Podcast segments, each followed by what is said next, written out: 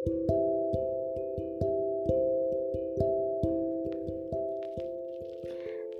1, 2, 3 dicoba. Selamat malam.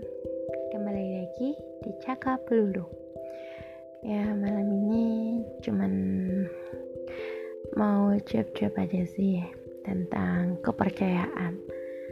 Kepercayaan ini memang penting sih buat dimiliki semua manusia yang ada di muka bumi ini. Karena gini loh, ketika kita kenalan dengan seorang, kita butuh yang namanya kepercayaan. Kalau kita percaya, kita bisa jadiin itu sebagai rekan kerja kita.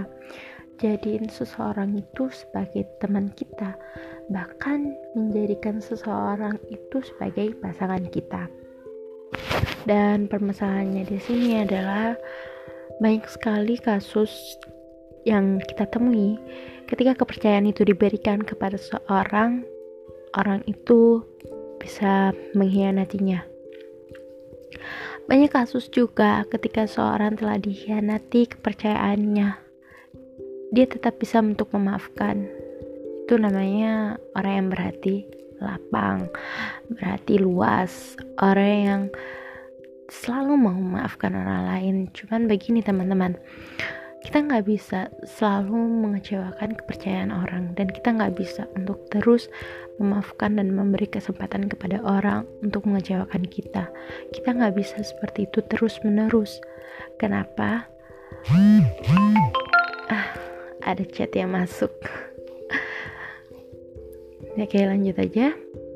Kita nggak bisa seperti itu kenapa? Karena mental kita ini dibuat untuk melatih kita memilih yang mana baik untuk kita dan yang mana kurang baik untuk kita. Jadi berhentilah untuk merusak kepercayaan orang lain dan berhentilah untuk terus-menerus menjadi orang baik yang dimanfaatkan oleh orang lain. Oke ya.